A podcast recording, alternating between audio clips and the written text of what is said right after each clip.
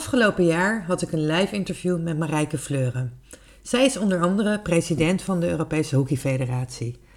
Omdat dit zo'n interessant gesprek was, heb ik besloten om hier ook een podcast van te maken. Ik wens je veel luisterplezier toe.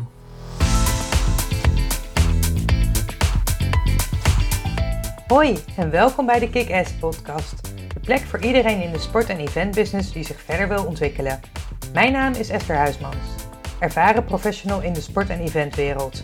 Je kent mij misschien ook van Kick-Ass, het inspiratieplatform voor vrouwen in de sport. Of van mijn online netwerktrainingen van de Kick-Ass Academy. In deze podcast deel ik mijn tips en ervaringen en maak ik je deelgenoot van de weg die ik als ondernemer aan het afleggen ben.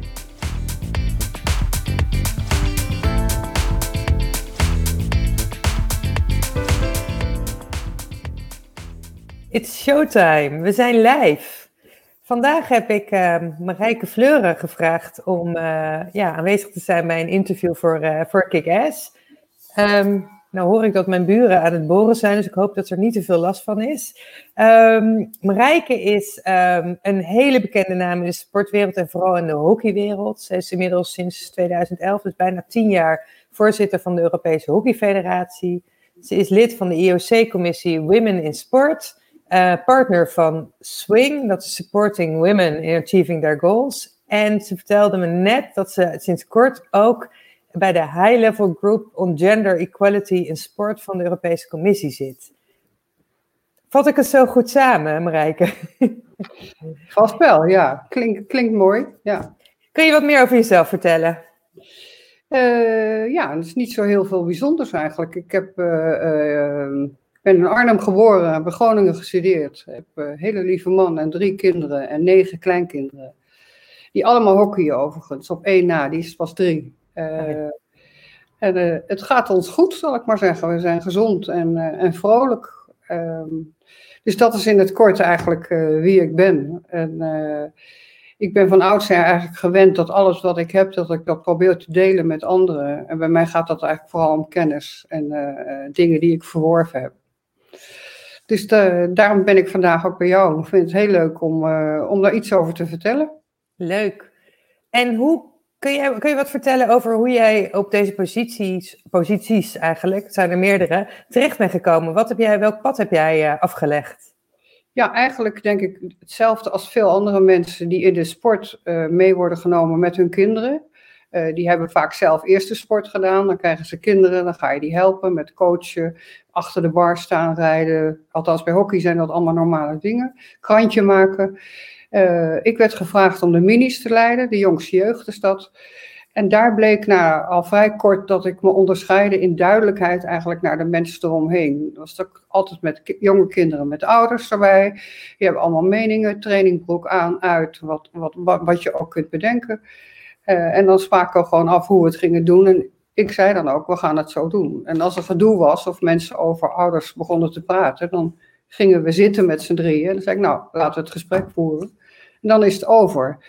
Uh, dus dat was eigenlijk rechtstreeks benaderen, samen praten, oplossen en dan is het over. En daar is het eigenlijk begonnen, dat ik daarna gevraagd werd voor het bestuur van Hockeyclub Leiden. Ik heb heel veel geleerd. Uh, bij een clubbestuur ben je toch wel heel direct betrokken bij je achterban. Dus je krijgt ook overal commentaar op. Um, en vandaar ben ik naar uh, de Hockeybond gegaan. Uh, daar hadden ze iemand nodig uit Zuid-Holland, jurist en een vrouw, en dat was ik. Ze kennen me eigenlijk niet. dat is op zich een goed teken, dat je niet steeds in dat kleine clubje zit. Ja. En dat is een fantastische tijd geweest. We hadden daar echt buitengewoon goede mensen aan tafel. En daar werd ik verantwoordelijk voor competitie. En alles. Mannen, vrouwen, jongens, meisjes, hoofdklassen, dames acht. Uh, en dat was eigenlijk een beetje het begin dat ik doorkreeg van... hé, hey, dit is bijzonder voor, uh, voor een vrouw dat ze niet de jeugd krijgt... of secretaresse wordt of zoiets. Um, en wat dat betreft had ik een goede vooropleiding in Groningen gehad bij het studeren... Daar was het, het slogan van mijn jaar op gelijke voet, mannen en vrouwen. Wij werden gefuseerd. En toen had ik dat natuurlijk allemaal helemaal niet door. Maar later heb ik begrepen, ja, daar heb ik gewoon geleerd dat het normaal is dat je dingen samen doet. Ja. Um, nou, vanuit de Hockeybond uh, bestuur ben ik adjunct-directeur geworden. Nogal ongewone overstap. Ja. Maar mijn uh, bestuurstermijnen waren op. Uh, Johan Wakkie vroeg, kom je dan hier werken? Nou, wat best spannend natuurlijk, voor hem ook. En daar is mijn internationale carrière begonnen. Uh, Wanneer was dat? Wanneer? Ja. Dat was 1999, een beetje. Ja. en Competition Committee van de FIH. Toen kwam ik in de commissie van de ERF. in het bestuur, vicevoorzitter. En ja, dan is een markant moment, denk ik, 2011, dat uh, de presidentsplek beschikbaar kwam. Uh, en dat ik eigenlijk zelf dacht van nou, dat, dat is misschien wel tijd dat ik dat nu eens ga doen. Ik heb nou eigenlijk alles in hockey gedaan, van alle kanten bekeken. veel steun ook van mensen uit Nederland. Eén zei tegen mij, je wordt tijd dat jij eens op het kratje gaat staan. Toen dacht ik, ja, nou ja, misschien moet ik dat dan maar doen. Um, was spannend natuurlijk, want ik moest verkiezingen tegenover een Duitse meneer in Duitsland. Dat was nogal wat. Ja. Maar ja, ik kreeg 21 stemmen en hij 17. En uh, hij was fantastisch sportief hoor, dat moet ik zeggen. Uh, wat anders dan wat we nu zien, uh, eindje verderop. Maar um, ja, en daar is het begonnen. Ehm, en ik ben eigenlijk, voel ik me als een soort vis in het water in het Europese gebeuren. Zowel door de cultuurverschillen als door de ontzettend veel aardige mensen die ik tegenkom. En wat is denk je de reden dat ze jou op dat moment hebben gekozen? Of dat jij, dat jij bent geworden? Um, nou, wat ik begreep, wat zijn natuurlijk altijd mensen die op, op het moment we bruin uh, wisselen. Hè? Die zeggen van god, ik ga toch voor, voor jou. Uh, ze zei tegen mij omdat het duidelijk was dat jij het deed en met je hoofd en met je hart. En dat is nu eigenlijk een soort slogan, maar dat was toen eigenlijk nog niet zo. Ik wist natuurlijk echt wel dat ik veel ervan wist, langzamerhand. Dat was het hoofd. Maar ik ben ook echt geïnteresseerd in mensen. Dus dat voelde ze in mijn verhaal. Uh, en ze kenden me natuurlijk ook best wel. En, uh, ja, het is eigenlijk uh, nu al bijna tien jaar met heel hard werken, laat ik dat even erbij zeggen, samen met mijn directeur. Is het fantastische tijd geweest. waarbij vooral het laatste jaar met de, de COVID-19 weer hele nieuwe dingen gevraagd heeft. En ik ben blij ook dat ik door ben gegaan, want ik had best kunnen stoppen na acht jaar. Ja. Maar nu ben ik wel blij dat ik er zat en dat ik ervaring had en dat ik de mensen kende. Want het kennen van mensen, het weten waar het, wat er belangrijk voor ze is, is, is echt belangrijk in deze tijd. En je zegt het heel hard werken. Kun je vertellen wat, um, wat houdt het allemaal in? Wat is, hoe ziet jouw gemiddelde werkweek eruit? Ja, dat is een interessante vraag. Nou, heel veel telefoon natuurlijk, want het is ja. anders dan bij een club dat je ziet elkaar niet, maar je bent heel veel aan het bellen. Um, dus veel telefoon, steeds weer nieuwe dingen waar, je niet op voorbereid was. Nou, de COVID-19 was, was, er, was er één van. Maar ook als in een land uh, een, een ramp plaatsvindt, Armenië, Azerbeidzjan bijvoorbeeld, die zijn beide lid van ons. Uh, ja, daar worden we direct mee geconfronteerd. Want dan gaan ook de, de zoon van de secretaris-generaal, die kwam, kwam om in een gevecht. Dus wij worden dan van twee kanten bestookt, zodat we actie moeten nemen. Um, wat bijvoorbeeld met de brexit, de grens van Ierland en Noord-Ierland, dat is, dat is een direct gevolg. Dus wij moeten precies weten wat de gevolgen zijn voor landen die dan in Noord-Ierland gaan hockeyen. Um, ja, zo zijn er Rusland die uit zijn bevoegdheden wordt gezet, althans de hockey. Hoe ga je daarmee om? En doordat je mensen kent en ook weet wie er Engels kunnen praten, kom je weer een stapje verder. Ja, dat is heel belangrijk. Ik weet het, ja, dat is een grote uitdaging internationaal. Ja, zelfs in Europa kan het een hele grote uitdaging zijn. Ja, dus ja. Europa is zo verschillend. Ja. Nou, dan heb ik bijvoorbeeld nog Georgië, uh, dat was Rusland, dus nu apart. Ja, dat is daar zo anders geregeld dan bij ons, maar de vicevoorzitter praat Engels. En daar heb ik nu elke twee maanden gesprek mee, samen met onze competition manager David Voskamp. En proberen we gewoon een soort relatie op te bouwen, waardoor we beter begrijpen wanneer ze opeens zich weer terugtrekken, waarom dat is. En dat wij niet direct boetes gaan geven, maar proberen hun profiel te vergroten en te versterken. En uh, nou, dat soort dingen, dat, dat, dat, is, dat is een onderdeel van mijn werkdag. Geld, gaat natuurlijk veel over geld, ook in deze tijd. Uh, ik wist nooit iets over geld. Ja, ik wist wel dat dat ongeveer hetzelfde moet zijn wat binnenkomt en uitgegeven wordt. Maar nu kan ik begrotingen lezen. Ik snap precies wat er bedoeld wordt met prioriteiten en dat soort dingen. Ja, dat is toch wel heel nuttig en heel belangrijk. Hele ja. goede penningmeester uit Finland. We, we vertrouwen elkaar blind, dat is heel fijn. Ehm, maar toch steeds nadenken, ook weer in deze tijd, wat kan wel doorgaan, wat niet. In hoeverre kom je je landen tegemoet? Uh, op dit moment nadenken als teams gedeeltelijk niet gevaccineerd willen worden. Wat betekent dat voor de wedstrijd? Uh, dus het gaat echt van links naar rechts en weer terug. Heel gepraat, dialoog, uh, uitwisselen. Veel goede mensen om je heen verzamelen en, um, ja, en nadenken. Ja.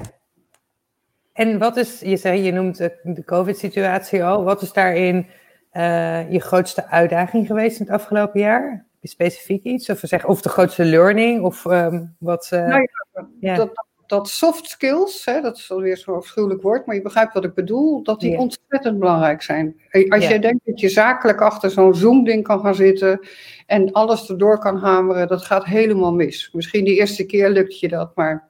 Dus je moet korte vergaderingen houden, je moet hele duidelijke onderwerpen hebben. Uh, je moet tijd besteden aan iedereen even een rondje hoe het gaat, want veel mensen zijn echt ongerust en ook echt best wel eenzaam. Uh, kijken wat je tussendoor kunt doen uh, om de mensen toch met elkaar te laten lachen.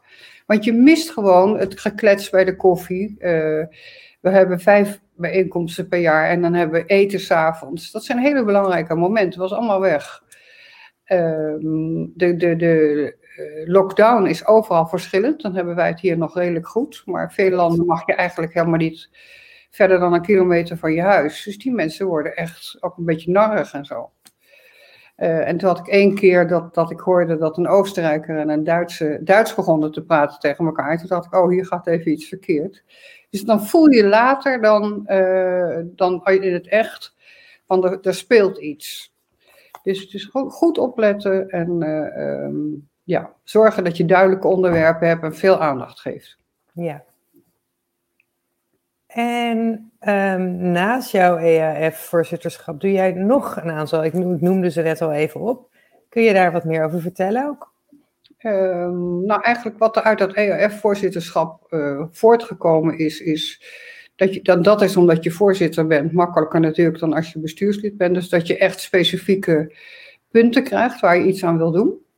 Uh, bij mij is dat uh, eigenlijk altijd gender equality geweest. Um, en dat, dat is langzamerhand eigenlijk een uh, ja, onderwerp op zichzelf geworden. En door de IOC-commissie, maar nu ook door de, de high-level group. Um, dus uh, het, verdiept zich steeds meer. Hè? Dan word je echt langzaam maar zeker een expert. In plaats van dat je altijd alleen maar over aantallen praat. Je begint door te krijgen waar het eigenlijk echt over gaat. Uh, en je, je zegt de high-level group. Kan je aangeven hoe dat... We hebben het er kort net al even over gehad voor dit gesprek. Maar hoe is dat gegaan? uh, dat, ja, nou daar werd ik voor gevraagd door iemand van, die werkte bij de Europese Commissie. Een ondersteunend iemand. Uh, en ik denk dat ik gevraagd ben omdat ja, een vrouwelijke voorzitter van een sportbond is een uitzondering. Ik ben volgens mij de enige in Europa. ik ben gewend veel te praten. Mijn achtergrond is labor law, uh, wat zeg ik? Ik kan het. Ik, werk, ja, ik werk. ik gaf college over, over arbeidsrecht en sociale verzekering. Dus ik ben gemakkelijk gewend om te praten in het openbaar. Dus ik moet veel presentaties geven, ook in Europa. Um, en daardoor spreek ik mensen en hoor ik uh, wat zij vinden. Ik vind het leuk om te luisteren en niet, heus niet altijd zelf aan het woord te zijn. En ja, langzaam maar zeker krijg je kennis uh, over hoe dingen gaan en wat verstandig is. En wat is verstandig? Ja, nou ja, goed. dat is gewoon een soort, soort automatische ontwikkeling die je krijgt als je iets leuk vindt. En ik merkte toen ik de brief moest schrijven, want ik moest natuurlijk officieel solliciteren, dat ik echt ook zo opschreef waarom ik het graag wilde. Dat ik, dat, dat ik echt voel dat mannen en vrouwen evenveel te bieden hebben verschillende dingen, want we zijn verschillend, maar dat ik echt denk dat we samen beter zijn. Uh, en je krijgt een beetje door voor het, voor het proces. Kijk, praten over iets, maar dat geldt ook met gehandicapten en ook met oud en jong en ook andere culturele achtergrond. Je kunt wel zeggen, ik wil zoveel van hen in een groep hebben. Maar daar ben je er nog niet mee. Want dan, dan zijn die mensen eigenlijk een soort geprivilegeerd dat ze erbij zitten. Daarna gaat het erom dat ze echt onderdeel worden, hè? dat ze ook een rol kunnen gaan spelen. En als ik het over sport heb, dat je denkt aan iemand die bijvoorbeeld captain wordt in een team of zo, of die in een commissie gaat zitten omdat hij het interessant vindt. En dan langzaam maar zeker kan je gaan leren van, zou die ook een leiderschapsrol kunnen vervullen? En dan word je eigenlijk van buiten naar binnen gehaald. En dan begin je mee te doen. En dat is eigenlijk wat ik ook gedaan heb. Doordat ik het interessant vond, dacht ik van ja, het is belangrijk dat we verschillen aan tafel hebben. Uh, en nu kan ik zorgen dat ik ook naar de volgende kijk. Wie kunnen naar mij komen? Wie kan ik helpen? En ik geef heel veel college op verschillende universiteiten gewoon door te gaan en een verhaal te vertellen, wat jij nu ook al mij vraagt. En duidelijk te maken dat iedereen dat kan. Ik heb het niet uit een boekje het is belangstelling. En natuurlijk moet je, moet je wel iets snappen, dat begrijp ik ook wel. Maar heel veel mensen kunnen veel meer dan ze denken. En, en zeker bij vrouwen is de allereerste gedachte altijd van, nou, weet ik niet of ik dat wel kan. Ja, tuurlijk. Als je iets kan, en het hoeft helemaal niet direct voorzitter van een bestuur te zijn, maar je kunt overal een rol spelen. En, en ja, ik, ik sluit me daar heel erg bij aan. Ik denk dat vrouwen daarin nog een heel veel stappen te maken hebben. En wat denk je dat er nog meer nodig is om meer vrouwen op bestuurs- en managementposities uh, te laten komen? Ja, gewoon heel veel lobbywerk. Heel veel, uh, zoals bijvoorbeeld Erna Truijers van Rotterdam doet. Ook gewoon uitstralen wat je, wat je kunt. Anneke van Zanen doet het bij NOC. Eh, God, er zijn heel veel mensen die ik ken die ongemerkt echt een rol voor, vervullen. Maar rolmodellen zijn echt essentieel. Want als je niet een keer voor je hebt gezien dat iemand een rol vervult, kom je er soms niet eens op dat, dat je dat zou kunnen doen. Nee. Dus rolmodellen zijn belangrijk, maar je hebt ook rolmodellen nodig die snappen dat ze rolmodel zijn. Dat het helemaal niet over hunzelf gaat, maar over wat ze uitstralen. Ja. En dat ze geïnteresseerd zijn in de volgende. Ja. Wie komt er na mij? Wie kan ik helpen? Ja. Dus er wordt veel gevraagd van die mensen die, de, die, die het voorleven, zal ik maar zeggen. Uh, en die moeten dat wel snappen, dat ze die rol hebben. En, en hoe zie, zie jij jezelf als rolmodel? ja, langzamerhand natuurlijk weet ik dat ik rolmodel omdat ben, omdat iedereen het tegen me, aan me vertelt. ja, dat bedoel ik. Ja. Dat hoor ik namelijk heel vaak in de gesprekken die ik voer met de vrouwen. Oh, ja, maar ik zie het zelf niet zo. Maar, maar inmiddels, maar ja, dat is natuurlijk wel een van de redenen dat ik ook gestart ben met kick Juist om die vrouwelijke rolmodellen te laten zien. Die zelf soms niet eens bewust zijn dat, ervan bewust zijn dat ze rolmodel zijn. Ja, ja. Nee, maar dat vertel ik natuurlijk ook steeds tegen ze. Want er zijn vrouwen die daar goed in zijn. Die zeggen juist eigenlijk altijd van ja, maar dat is toch niks bijzonders. En dan zeg ik ja, misschien ben je als persoon niks bijzonders, dat weet ik niet. Maar de rol die je vervult wel. En eh, laat het zien. Geef mogelijkheden aan anderen. Want daar gaat het om. Het gaat echt om dat je anderen laat zien, je hebt mogelijkheden. En ga ervoor. Ja. En wat kunnen vrouwen zelf doen? Ehm, nou, wat dapperder zijn, denk ik. Ehm, inderdaad zich realiseren dat, dat als ze zeggen, ik weet niet of ik dat kan, dat mag best, want dat is hun eerste gedachte. Uh, van nou, ik kan het toch proberen. Ja. En dat heb ik ook. Ik heb ook, ook nog steeds momenten dat ik denk, nou, uh, maar god, denk ik, ja, waarom niet? Um, ik kan het proberen. Uh, wat, wat vrouwen bijvoorbeeld goed doen in vergaderingen, dat realiseren zij zich niet, is dat zij vaak vragen stellen. Je, je zit dan, zeg eens wat, ik zit gemiddeld met acht, negen mannen aan tafel en dan hopelijk twee of drie vrouwen.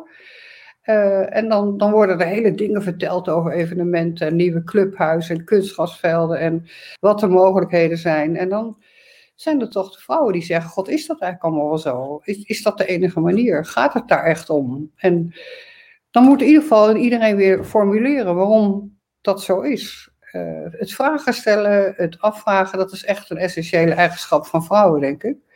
Um, en ik merk het in mijn bestuur nu. Ik heb nu zes mannen en zes vrouwen. Dat is min of meer toevallig. Leeftijden ook allemaal verschillend. Heel erg leuk.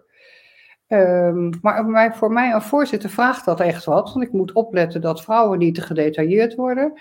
Uh, mannen daardoor die niet dichtklappen en nog zakelijker worden. Dus het, het, jong en oud hebben verschillende grappen. Dat vind ik ook echt heel leuk. En doordat ik kinderen van die leeftijd heb. Ik zeg helemaal niet dat ik ze allemaal snap, maar ik snap wel de humor op zich. Ja, uh, ja dat, is, dat is gewoon, humor is natuurlijk gewoon überhaupt heel belangrijk. Ja, eh, en internationaal is dat natuurlijk ook weer anders dan. Uh, ja, ja, ja. Ook zo. En ja, ik vind dat wel heel boeiend, die interactie, om dat te zien. Ja. Dat kan ik me voorstellen. Waar ben jij het meest trots op? Ja, uh, nou eigenlijk denk ik uh, op de manier waarop we het parahockey hebben, um, echt helemaal betrokken bij ons grote kampioenschap. Dus we hebben een, een Europees kampioenschap één keer in de twee jaar. En daar hebben we ook een parahockey Europees kampioenschap bij. Dat is eigenlijk begonnen toen, toen ik aan het bestuur, in het bestuur kwam. Uh, en nu zijn we net uh, een maand geleden toegelaten tot de World Games Special Olympics in Berlijn. Oh, super. Ja, dat is echt super. Want ja, die, die, de groep met een beperking, dat, dat, dat, dat gaat je zo aan je hart. Omdat je ziet hoe veel toekomst je, je ze geeft door ze dat spel te geven. En ook aan de ouders en ook aan de familie en iedereen eromheen. En, maar ook daar geldt weer, het is niet een kunstje. Je moet ze die toekomst geven, maar je moet wel zorgen dat het inhoud krijgt. Hè? Dat je ook scheidsrechters hebt die daar speciaal kunnen fluiten, dat de officials voorbereid zijn. En ja, daarin is hockey ook bijzonder. We hebben in vorig jaar in Antwerpen hadden we uh, alle hoofdklasse scheidsrechters uit Europa, die stonden te vechten ongeveer om daar te mogen fluiten. Oh, leuk. Ja. Dan begin je zo'n toernooi en iedereen om ons heen met armen om elkaar en ook die scheidsrechters. En die denken natuurlijk eerst, wat zijn we hier aan het doen? Maar ze zijn allemaal ontroerd om te zien hoe echt en intens het is en wat het die kinderen brengt. Dus ja, ik denk dat ik, dat ik het parahockeystuk, uh, ja, dat is in ieder geval voor mij het meest emotioneel. Ja. dat kan ik me heel goed voorstellen. Ik heb toevallig net ook twee vrouwen daarover geïnterviewd. Oh, niet specifiek parahockey, maar vergeetsporten. En, uh, en die vertelden eigenlijk dezelfde emotie, kwam, kwam daar bij hun uh, ook naar voren. Dus uh, ik kan me er heel goed wat bij voorstellen. Ja, ja. En um, ik ga even tussendoor. Als er mensen zijn die kijken en die een vraag hebben voor Marijke, die kunnen dat in de chat neerzetten. Dan kunnen we die straks nog behandelen. Ik heb nog een aantal vragen natuurlijk voor je, maar de kijkers mogen ook vragen stellen. Um, ik vind zelf, en ik weet dat, dat, uh, dat, dat, is, dat is mijn mening, maar ik vind de hockeywereld altijd vrij vooruitstrevend. Um, ik weet dat jij daar net over zei van in ons voorgesprek van ja, maar dat kan je dan niet over jezelf zeggen. Ik zeg maar, wat kunnen andere sporten? Ik zeg, ik vind het ook qua, qua bestuurderen heb ik het idee dat het veel meer uh, een mix is. En wat kunnen andere sporten, zoals bijvoorbeeld voetbal, um, waar, de, de, waar de man-vrouw verhouding natuurlijk veel ja, schever is eigenlijk dan bij het hockey. Wat kunnen die leren van de hockeywereld? Uh, de heren van de hockeywereld. Nee, wat kunnen de andere sporten, andere sporten leren van de hockeywereld? Nou, weet je, het gekke is dat ze dat ook heel graag willen leren. Want die vragen ook aan mij. Kom je bij, bij korfbal ben ik geweest, basketbal. Kom, kom eens vertellen wat jullie doen. Volleybal heeft nu een WK in oktober. Die willen dat ook op, op, uh, op de agenda zetten, een soort forum maken.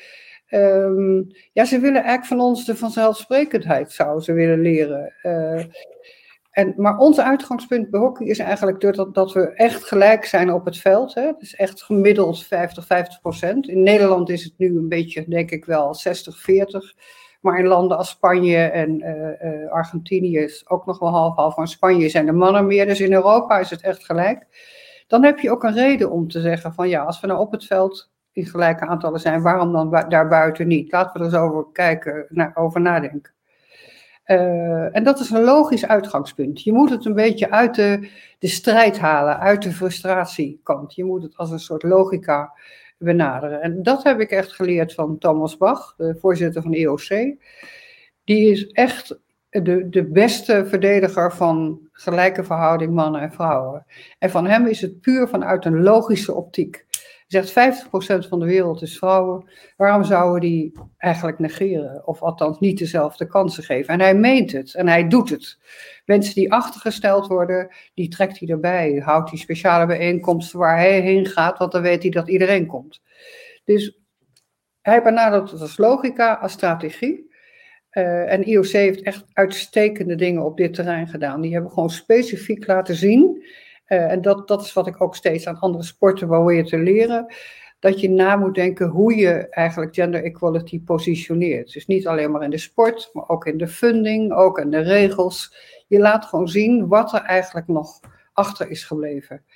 Uh, en ja, het is achtergebleven, het is niet anders. Maar vanuit de geschiedenis is het nu een keer zo. En het wordt tijd dat we daar wat aan doen. En ja, dat denk ik echt. En uh, andere sporten vinden dat ook. En ik weet dat bijvoorbeeld de, de hoofdcoach van uh, Bos van de korfbal, die hebben natuurlijk een sport waarbij ze 4-4 in, in het veld staan die zou dat ook heel graag willen. En die zegt bijvoorbeeld van, je zou eigenlijk een systeem moeten bedenken dat om de beurt man en een vrouw captain zijn. Dat je niet steeds de jongens laat scoren en de vrouwen de voorzet geven, ook andersom. Misschien moet je daar wel een regel van maken. Dus ze willen het heel graag. Uh, maar je hebt natuurlijk ook nog een groep mannen, uh, die kom ik ook tegen, die altijd tegen mij zeggen: Ja, maar Marijke, je moet toch de beste hebben? Het gaat toch niet altijd om dingen? Ik zeg: Ja, maar de laatste honderd jaar heb je ook niet nagedacht of je de beste had. Het waren gewoon mannen en uh, je dacht niet van goh. Hè? Dus het alleen al denken van misschien kan een, vrouw het wel, een vrouw het wel doen. Ja. ja waarom niet?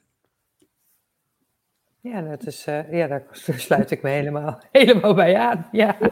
ja moet maar in je opkomen. Ja, en welke tips heb jij voor, uh, voor, voor vrouwen in de sport die ook zoiets willen als wat jij, uh, wat jij nou ja, de carrière die jij, die hebt, die jij hebt? Ja, nou, ehm, ga, je, ga niet acteren als een soort tijger. Hè? Ga niet denken dat je stoer moet doen of een grote bek moet hebben of weet ik veel wat. Gewoon jezelf blijven, heel goed weten waar je over praat. Dus je moet je goed voorbereiden, elke keer weer, hoe klein de opdracht ook. Uh, waar je, waar je op, voor op moet passen als je in een vergadering bent, dat je jezelf niet in de reden valt. Dat deed ik in het begin ook. En ik merkte dat ik alle mannen om me heen kwijtraakte. Dus dan, dan, dan ben je over iets aan het praten en dan denk je aan het volgende, breng je dat in en dan is het gewoon even klaar. En mhm. dat Dus dat moet, dat dus moet vrouwen gewoon leren dat ze zich bij één onderwerp houden. Niet te gedetailleerd zijn.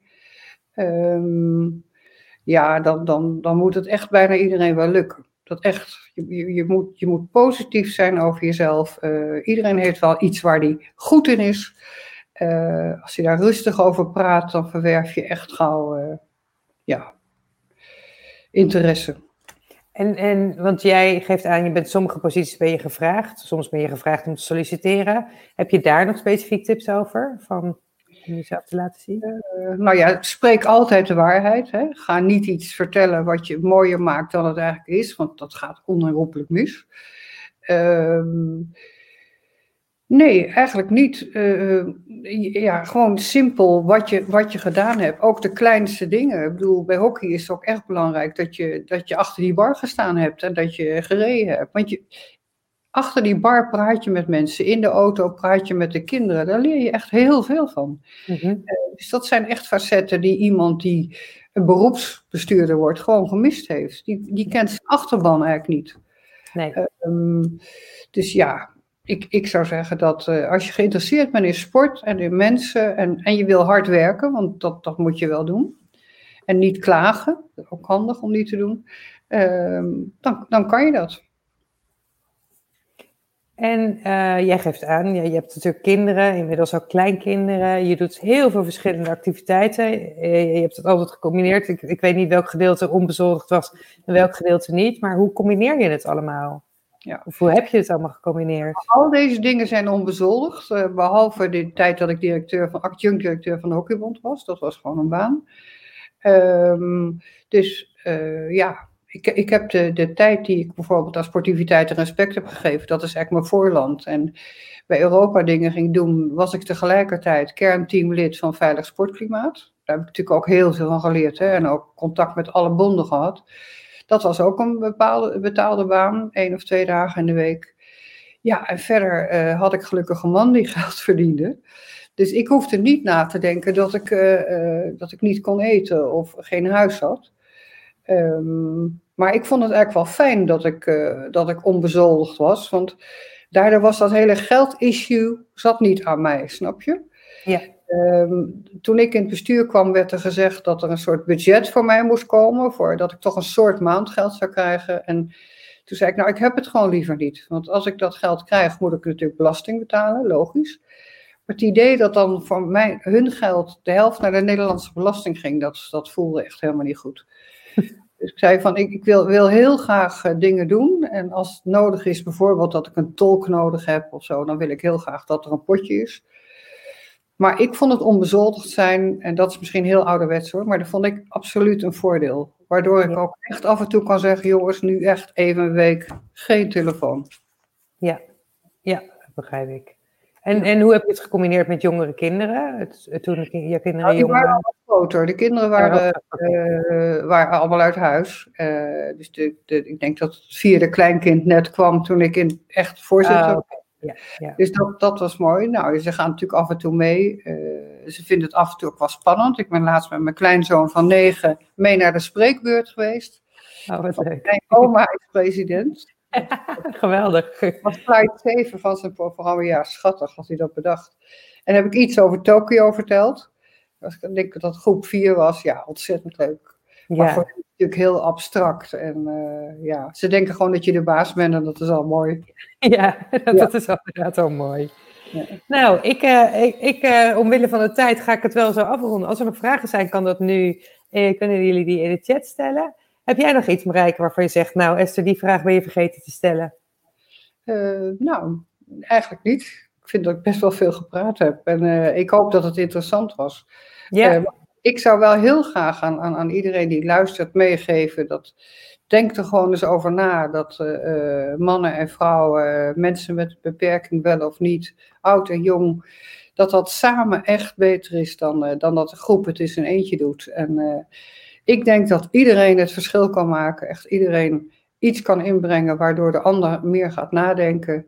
Ja, ik denk dat het eindresultaat beter wordt. Dus verdiep je erin en, en neem de stap ook. Ja, daar kan ik me alleen maar heel erg bij aansluiten. Dankjewel. Ik krijg een uh, berichtje van Janne. Heel leuk om te luisteren. Dus uh, leuk. Goed. Dankjewel Marijke. We gaan uh, weer... Oh, er komt nog een vraag. Wacht, er komt nog een vraag. Dan wachten we die nog heel eventjes af. Ja. maar die moet wel getypt worden. Dus um, ik wacht hem eventjes. Uh, iemand typen? Ja, iemand is nu aan het typen. Dus, dus ik ben benieuwd wat de vraag is. Um, ik zat even kijken of ik tussendoor... Wat, Welke eigenschappen denk jij dat nog meer belangrijk zijn? Um, nou, ik denk dat je wel goed moet kunnen formuleren. Dat je, uh, dat je, dat je wel weet waarvoor je wil gaan. Uh, en het is ook echt een eigen, goede eigenschap om te zorgen dat het gezellig is om je heen. Dat het leuk is. Want dat is eigenlijk bij iedereen die ik ken in sportbesturen. Het leuk hebben met elkaar is eigenlijk de reden dat je al die uren erin steekt. Ja, dat, dat, daar begint het mee. En, uh, ja, en eerlijk zijn, hè? En neutraal. Neutraal zijn in Europa, dat is nog wel een dingetje. Ja, ja. dat kan ik me voorstellen. ja. ik zie nu de vraag binnenkomen. Hoe kan eventuele ervaring uit niet-sportbestuurservaring in voordeel gebruikt worden voor sportfuncties? Dus een ervaring die, die vanuit buiten de sport is, hoe kan dat gebruikt worden in de sportfuncties? Nou, ik denk dat iemand die, die gewend is zeg maar, te besturen op andere vlakken, in ieder geval weet hoe het gaat. Hè. Die snapt wat een bestuur is, dat er vergaderingen zijn, dat er good governance is, dat er notulen komen. Dus die kent het hele logistieke gebeuren. En dat is voor sommige mensen die bij mijn bestuur komen helemaal nieuw. Dus dat kost ze heel veel energie dat ze een vergadering van drie of vier uur hebben waar ze moeten luisteren. En bij mij is dan natuurlijk ook nog in het Engels. Dus dat helpt echt, dat je het hele gebeuren kent. Uh, en dat je ook weet dat, uh, dat er bestuurstermijnen zijn. En dat het logisch is dat dat niet maar eindeloos doorgaat. En uh, ja, ik denk helemaal niet dat je altijd speciaal uit de sport moet komen. Want er zijn best veel mensen die kinderen in de sport hebben en zelf niet hebben gedaan. Uh, en die vanuit hun andere ervaring daar toch heel goed in blijken te passen. En die vinden dan de gezelligheid weer zo leuk. Dat het dan net iets losser is dan, dan het bijvoorbeeld op hun werk is. Ja. Kan heel goed. Eh, ook dat is weer een soort diversiteit. Mensen uit de sport en in de sport. Ja, en ik denk ook juist vanuit buiten de sport dat je misschien op een. Nou, jij gaf net al aan van de nieuwsgierigheid die je, die je hebt door het stellen van vragen. Dat je juist vanuit, als je vanuit een andere omgeving komt, dat je misschien ja, ook ander type vragen hebt dan, dan degene die, uh, die waarvan zeggen, ja, maar dat is toch logisch, want dat doen we eigenlijk al jaren zo. Ja. Uh, wat soms helemaal niet zo logisch is. Ja. Nee, zeker. Maar het is wel belangrijk, en dat is de taak van de voorzitter, dat iedereen die aan tafel zit zich veilig voelt. En dat, dat hij dus ook stomme dingen probeert, durft te zeggen. Ik zeg ook nog steeds stomme dingen en dan lachen ze me ook hard uit. Nou, prima. Als je dat niet zo is, dan, dan moet je gewoon wat anders gaan doen, want dat is niet goed. Nee, klopt. Nou, nogmaals dank voor je, voor je leuke verhaal. Ik vond, ik vond het heel interessant om te horen. En uh, ik de kijkers zoals, nu, zoals ik het nu zie ook. Dus uh, dankjewel. Mooi. Nou, tot gauw een keer langs de lijn. Ja, zeker. Ja, ik ga hem nu uh, ik ga afsluiten.